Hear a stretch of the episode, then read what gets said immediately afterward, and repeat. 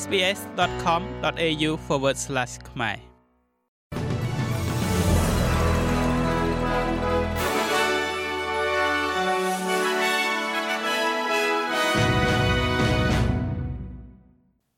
ចាសសូមស្វាគមន៍មកកាន់នេតិព័ត៌មានខ្លីៗរបស់ SBS ខ្មែរសម្រាប់ថ្ងៃប្រហ័សទី22ខែមិថុនាឆ្នាំ2023 ការព្យាករណ៍ថ្មីថ្មីបង្ហាញថាទីផ្សារលំនៅឋានរបស់ប្រទេសអូស្ត្រាលីកំពុងតែស្ថិតនៅលើផ្លូវសម្រាប់ការស្ទុះងើបឡើងវិញយឺតយឺតនិងស្ថិរភាពក្នុងរយៈពេល12ខែបន្ទាប់ក្រុមហ៊ុនអចលនទ្រព្យ Domain ព្យាករណ៍ថាតម្លៃផ្ទះនៅទីក្រុង Sydney, Adelaide និងទីក្រុង Perth នឹងបំបែកកំណត់ត្រានៅចុងឆ្នាំហិរញ្ញវត្ថុបន្ទាប់ដោយទីក្រុង Sydney នឹងចាប់ផ្ដើមការស្ទុះងើបឡើងវិញខ្លាំងបំផុត។ គេព្យាករណ៍ថាតម្លៃផ្ទះនឹងកើនឡើងចន្លោះពី6ទៅ9%នៅទីក្រុងស៊ីដនី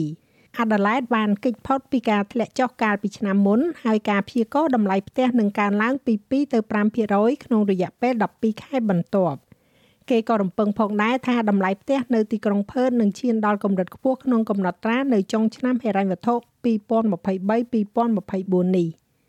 ទន្ទឹមនឹងនេះដែរទីក្រុងមែលប៊ននិងទីក្រុងស៊ីដនីបានស្ទុះងើបឡើងវិញហើយនៅក្នុងចំណាត់ថ្នាក់ទីក្រុងដែលគួរឲ្យរស់នៅបំផុតខណៈដែលទីក្រុងផឺតក៏ជាប់ចំណាត់ថ្នាក់ប្រសើរជាងមុនផងដែរទីក្រុងមែលប៊នរបស់រដ្ឋវីតូរីបានឡើងមកឈរនៅលេខរៀងទី3ខណៈដែលក្រុងស៊ីដនីជាប់លេខរៀងទី4 ចៅក្រមបានកត់សម្គាល់ពីការវិលមករកភាពប្រក្រតីវិញបន្ទាប់ពីโรគរាតត្បាត បានជួយឲ្យទីក្រុងធំធំចំនួន2របស់ប្រទេសអូស្ត្រាលីងើបឡើងនៅលើសន្ទុះទីក្រុងដែលគួរឲ្យរស់នៅជាសកលឆ្នាំ2023របស់ Economist Intelligence Unit ទីក្រុង Perth ជាប់ចំណាត់ថ្នាក់លេខ12គឺកើនឡើងពីលេខ32កាលពីឆ្នាំមុន។ ទីក្រុងវៀនណាដណ្ដើមបានចំណាត់ថ្នាក់កំពូល បន្ទាប់មកគឺទីក្រុង Copenhagen ស្ថិតនៅលំដាប់ទី2ទីក្រុង Damascus ក្នុងប្រទេសសេរី គឺជាទីក្រុងដែលមានចំណាត់ថ្នាក់ទាបបំផុត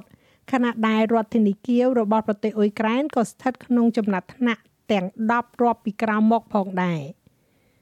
ផ្ទុយទៅវិញចំនួនប្រជាជនដែលរស់នៅតាមដងផ្លូវក្នុងរដ្ឋ New South Wales បានកើនឡើងខណៈដែលវិបត្តិលំនៅឋានកាន់តែធ្ងន់ធ្ងរ ការរាប់ចុងក្រោយបំផុតនៃអ្នកដេកតាមចិញ្ចើមផ្លូវក្នុងរដ្ឋ New South Wales បានកត់ត្រាមនុស្សចំនួន1623នាក់បើប្រៀបធៀបទៅនឹងកាលពីឆ្នាំមុនត្រឹមតែ1207នាក់ប៉ុណ្ណោះនេះតំណាងឲ្យការកើនឡើង34%រដ្ឋមន្ត្រីទទួលបន្ទុកខាងភាពគ្មានផ្ទះសម្បែងរស់នៅ Ross Jackson បានបង្ហាញតួលេខថ្មីនៅថ្ងៃប្រហ័សនេះហើយបានហៅការកើនឡើងនេះថាមានការព្រួយបារម្ភយ៉ាងខ្លាំង។ អង្គការក្នុងស្រុកជាង300អង្គការបានចាប់ដៃគូជាមួយនឹងរដ្ឋាភិបាលដើម្បីបញ្ចប់ការរាប់តាមដងផ្លូវក្នុងខែកុម្ភៈនៅក្នុងទីក្រុងនិងតំបន់ជាក្រុងជាង350កន្លែងក្នុងរដ្ឋាភិបាលក្នុងតំបន់ចំនួន76នៅឯទីក្រុងប៉ារីសវិញមនុស្ស33នាក់កំពុងស្ថិតនៅក្នុងការសង្គ្រោះបន្ទាន់នៅមន្ទីរពេទ្យក្នុងនោះ4នាក់បានរងរបួសដែលគំរាមកំហែងដល់អាយុជីវិត បន្ទាប់ពីការផ្ទុះដែលបណ្ដាលឲ្យអាគារច្រើនជាន់មួយដួលរលំដោយផ្នែកគេនៅមិនទាន់ដឹងពីមូលហេតុនៃការផ្ទុះនេះនៅឡើយនោះទេ វាបានបង្កជាភ្លើងឆេះយ៉ាងខ្លាំងដែលបានរាលដាលដល់អាគារជិតខាងមួយចំនួនអាគារនេះស្ថិតនៅក្នុងសង្កាត់ Latin Carter កណ្ដាលទីក្រុងប៉ារីសជាទីដែលបង្អួចអាគារត្រូវបានផ្ទុះបែកបាក់ខ្ទេចខ្ទីការផ្ទុះមួយទៀតបានកើតឡើងនៅក្នុងប្រទេសចិនក្នុងទីក្រុងយុនឈួនភាគពាយ័ព្យនៃប្រទេស។ ភោជនីយដ្ឋានសាច់អាំងមួយកន្លែងត្រូវបានភ្លើងឆាបឆេះបន្ទាប់ពីលេចធ្លាយហ្គាសបណ្ដាលឲ្យផ្ទុះឡើងប្រព័ន្ធផ្សព្វផ្សាយរដ្ឋបានរាយការណ៍ថាមានមនុស្ស31នាក់បានស្លាប់បាត់បង់ជីវិតគ្រោះថ្នាក់ដោយសារការផ្ទុះឧស្ម័ននិងសារធាតុគីមីនេះមិនមែនជារឿងចម្លែកទេនៅក្នុងប្រទេសចិនបើទោះបីជាមានការព្យាយាមជាច្រើនឆ្នាំដើម្បីកែលម្អសុវត្ថិភាពក៏ដោយ។ ចំណែកឯអត្រាប្តូរប្រាក់វិញ1ដុល្លារអូស្ត្រាលីមានតម្លៃប្រមាណជា67សេនកន្លះដុល្លារអាមេរិកត្រូវនឹង2770រៀលប្រាក់រៀលខ្មែរ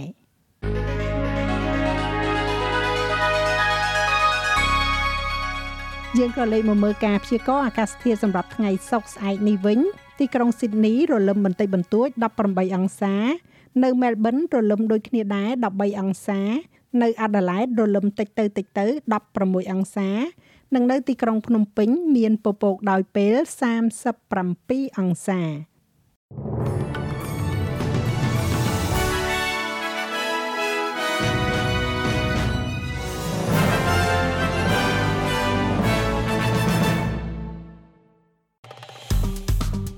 ចុច like share comment និង follow SPS ខ្មែរនៅលើ Facebook